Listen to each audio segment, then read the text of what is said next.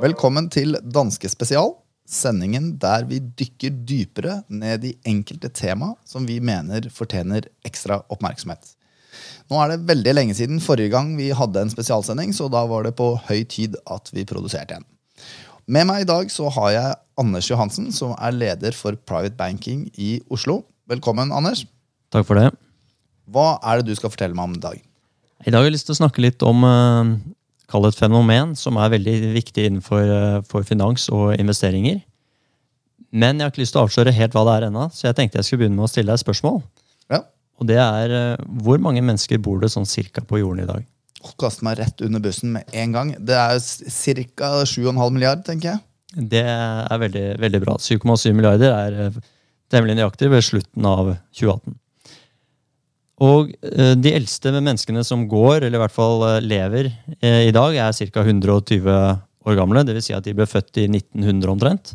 Da levde det 2,5 milliarder mennesker.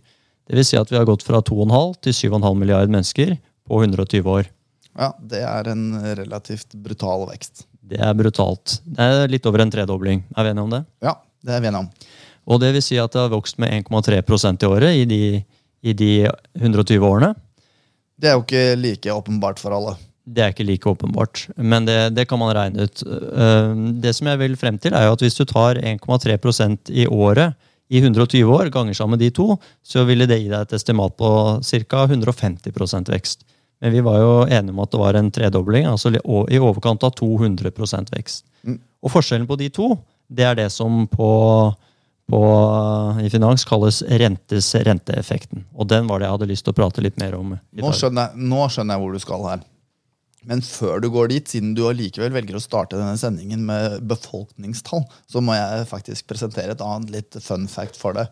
Eller i hvert fall som er ganske eh, fascinerende, syns jeg. Og det er at på jorda i dag så lever det flere mennesker enn som har dødd akkumulert sett i verdenshistorien.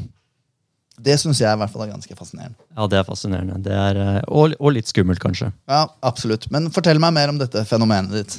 Det skal jeg gjøre. Så det som et par ting som er viktig da, for renters renteeffekten, det er eh, det ene er prosentsatsen. altså Vi snakket her om 1,3% i året. Det er ikke så mye. Men jo mer, jo større prosentsatsen er per år, jo sterkere blir effekten. Og den blir også sterkere jo lengre tidshorisont vi, vi snakker om. Faktisk så er denne effekten såpass stor at uh, noen har ment at Einstein um, kalte dette verdens åttende under. Og du kjenner jo sikkert de syv andre underne, Fredrik. Jeg tror jeg kjenner ganske mange av dem, faktisk. Ikke sant? Men for de som ikke gjør det, da, så snakker vi da om en type pyramiden i Egypt, Taj Mahal, kinesiske mur, Colosseum osv. Babylons hengende hager. Ikke sant? Fellesnevneren for disse her er jo at dette er ting som er skapt av mennesker for mange mange, mange, mange år siden, som eh, virker utrolig for oss i dag med dagens eh, ingeniørkunst. Hvis vi snakker om da det åttende underet som, som vi her snakker om, rentes renteeffekten, så er jo det mer et naturfenomen. Så jeg har litt vanskelig for å tro at Einstein egentlig har, eh, har blandet sammen de to tingene. Jeg tenker mer at dette er noe som er i retning av pi eller det gylne snitt eller den type ting. Men det er jo litt uh, beside the point. Da.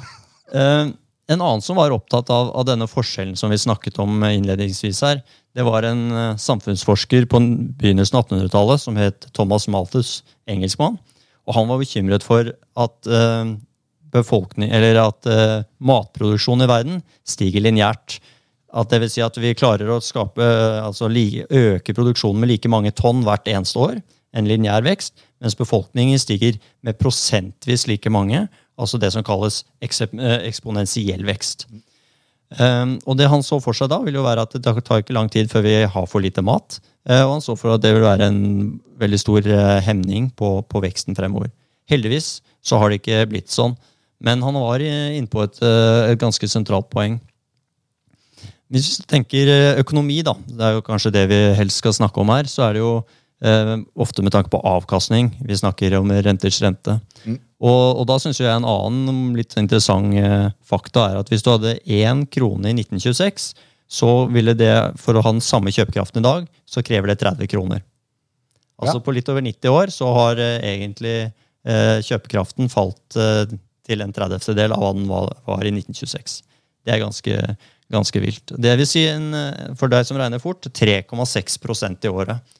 Og hvis du da tar 3,6% i året i 90 år, så får du ca. 450% Men det er jo langt fra de 30 prosentene.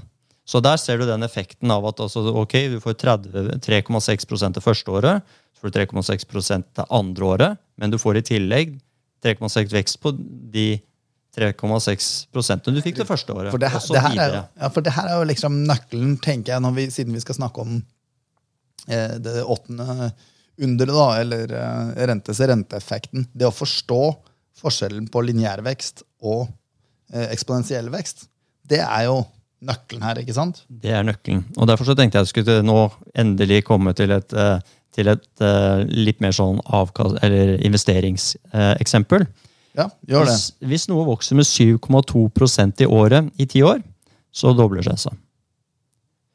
Um, og da, hvis det da vokser 7,2% i året også de neste ti årene, så dobler det seg på nytt.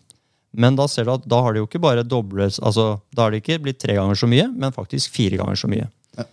Og så, hvis du fortsetter sånn, da, så får du da, hvis du begynner med én million, så etter ti år så har du fått to millioner. Etter 20 år har du 4 millioner, etter 30 år har du 8 millioner. Så fortsetter du til eh, 16 millioner etter 40 år og 32 millioner etter 50 år. Og da kan du tenke deg, Hvis du skal prøve å lage et grafisk bilde av dette inni hodet ditt, så blir det nærmest som en sånn banan som peker oppover. ikke sant? det eksploderer mm. oppover, og det er det som typisk kalles eksponentiell vekst. Ja. Men hvis vi ser på veksten, så er den lik. Den er 7,2% hvert eneste år. Så hvis du da hadde tatt de samme 7,2 prosentene Eh, og ganget med 50 år isteden, så hadde du fått ca. 5 millioner. Eller en syvendedel av det du får ved renters renteeffekten. Så her ser du hvor utrolig viktig det er da innenfor investeringer spesielt å tenke langsiktig og å få avkastning på avkastningen. Exactly. Så hvis vi sier det litt mer på, mer på folkemunne enn alle disse prosentene, så er det, nøkkelen her er å få vekst på veksten din. Vekst på veksten. Akkurat. Ja. Hvordan skal vi klare å utnytte det her som investorer?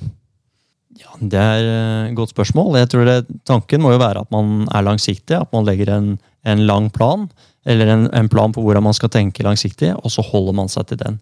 Prøver man å glemme de markedssvingningene som er fra dag til dag, uke til uke og måned til måned, eller for den saks skyld år til år, så tenker man at ok, klarer jeg å få 7,2% vekst i ti år, så dobler jeg pengene. Og så holder jeg den de neste ti årene også, så får jeg en ny dobling. Da har jeg fått fire ganger så mye som det jeg begynte med. Og hvis jeg klarer enda ti år til, så har jeg faktisk fått åtte ganger så mye som jeg begynte med for 30 år siden. Og det er på en måte den fantastiske gulroten egentlig som ligger der. Og det er jo et ganske godt argument da, for å starte sparing for f.eks. sine barn da, tidlig. For det kan, det kan, være ganske små beløp du starter med. Eh, hvis du ønsker å hjelpe barnet ditt til å kjøpe seg bolig for eksempel, da, når de blir 18, hvis du bare starter tidlig nok med å spare for ungen din, så trenger ikke det å ha noe stor belastning på din egen økonomi. Samtidig som det da kan være stor hjelp for ditt barn når, når de blir 18 eller 25. eller noe sånt. Helt riktig. Og det samme gjelder jo innenfor f.eks. pensjonssparing. Det er viktig å begynne sparingen med en gang. Ikke vente til man blir 40 eller for den saks skyld 50. For du ser de ti årene, 10 eller 20 år fra eller til her, har enorm effekt. Jeg vil bare si én ting til, Fredrik. før eh, nå, nå, ser jeg du begynner å bli litt utålmodig. Men, men det er en annen ting som, som, er litt relevant i forhold til dette. og Det er jo det, det er noe som kalles law of 72. Som jeg brukte egentlig her i stedet. Jeg sa at ok, på ti år så dobler det seg med 7,2 avkastning. Hvordan kan man gjøre det ved en enkel tommelfingerregel? Og det vil være at hvis du Trikset der altså ta utgangspunkt i 72, og så deler du på den prosentsatsen. Da får du vite hvor mange år det tar for noe dobler seg. Så 72 delt på, på 7,2 eh, delt på 7,2 vil si 10 år. Men du kan også gjøre det motsatt vei, hvor du sier ok, eh, hvilken prosentsats vil jeg eh, trenge for at det skal doble seg på 10 år? 72 delt på 10 får du 7,2. Det var kanskje det beste tipset du har gitt i den sendingen her, faktisk. The, the Law of 72. Den, den likte jeg. Ikke Veldig bra. Takk skal du ha, Anders. Det her var veldig nyttig. Jeg gleder meg til å høre det neste temaet du skal grave fram for meg. Thank you.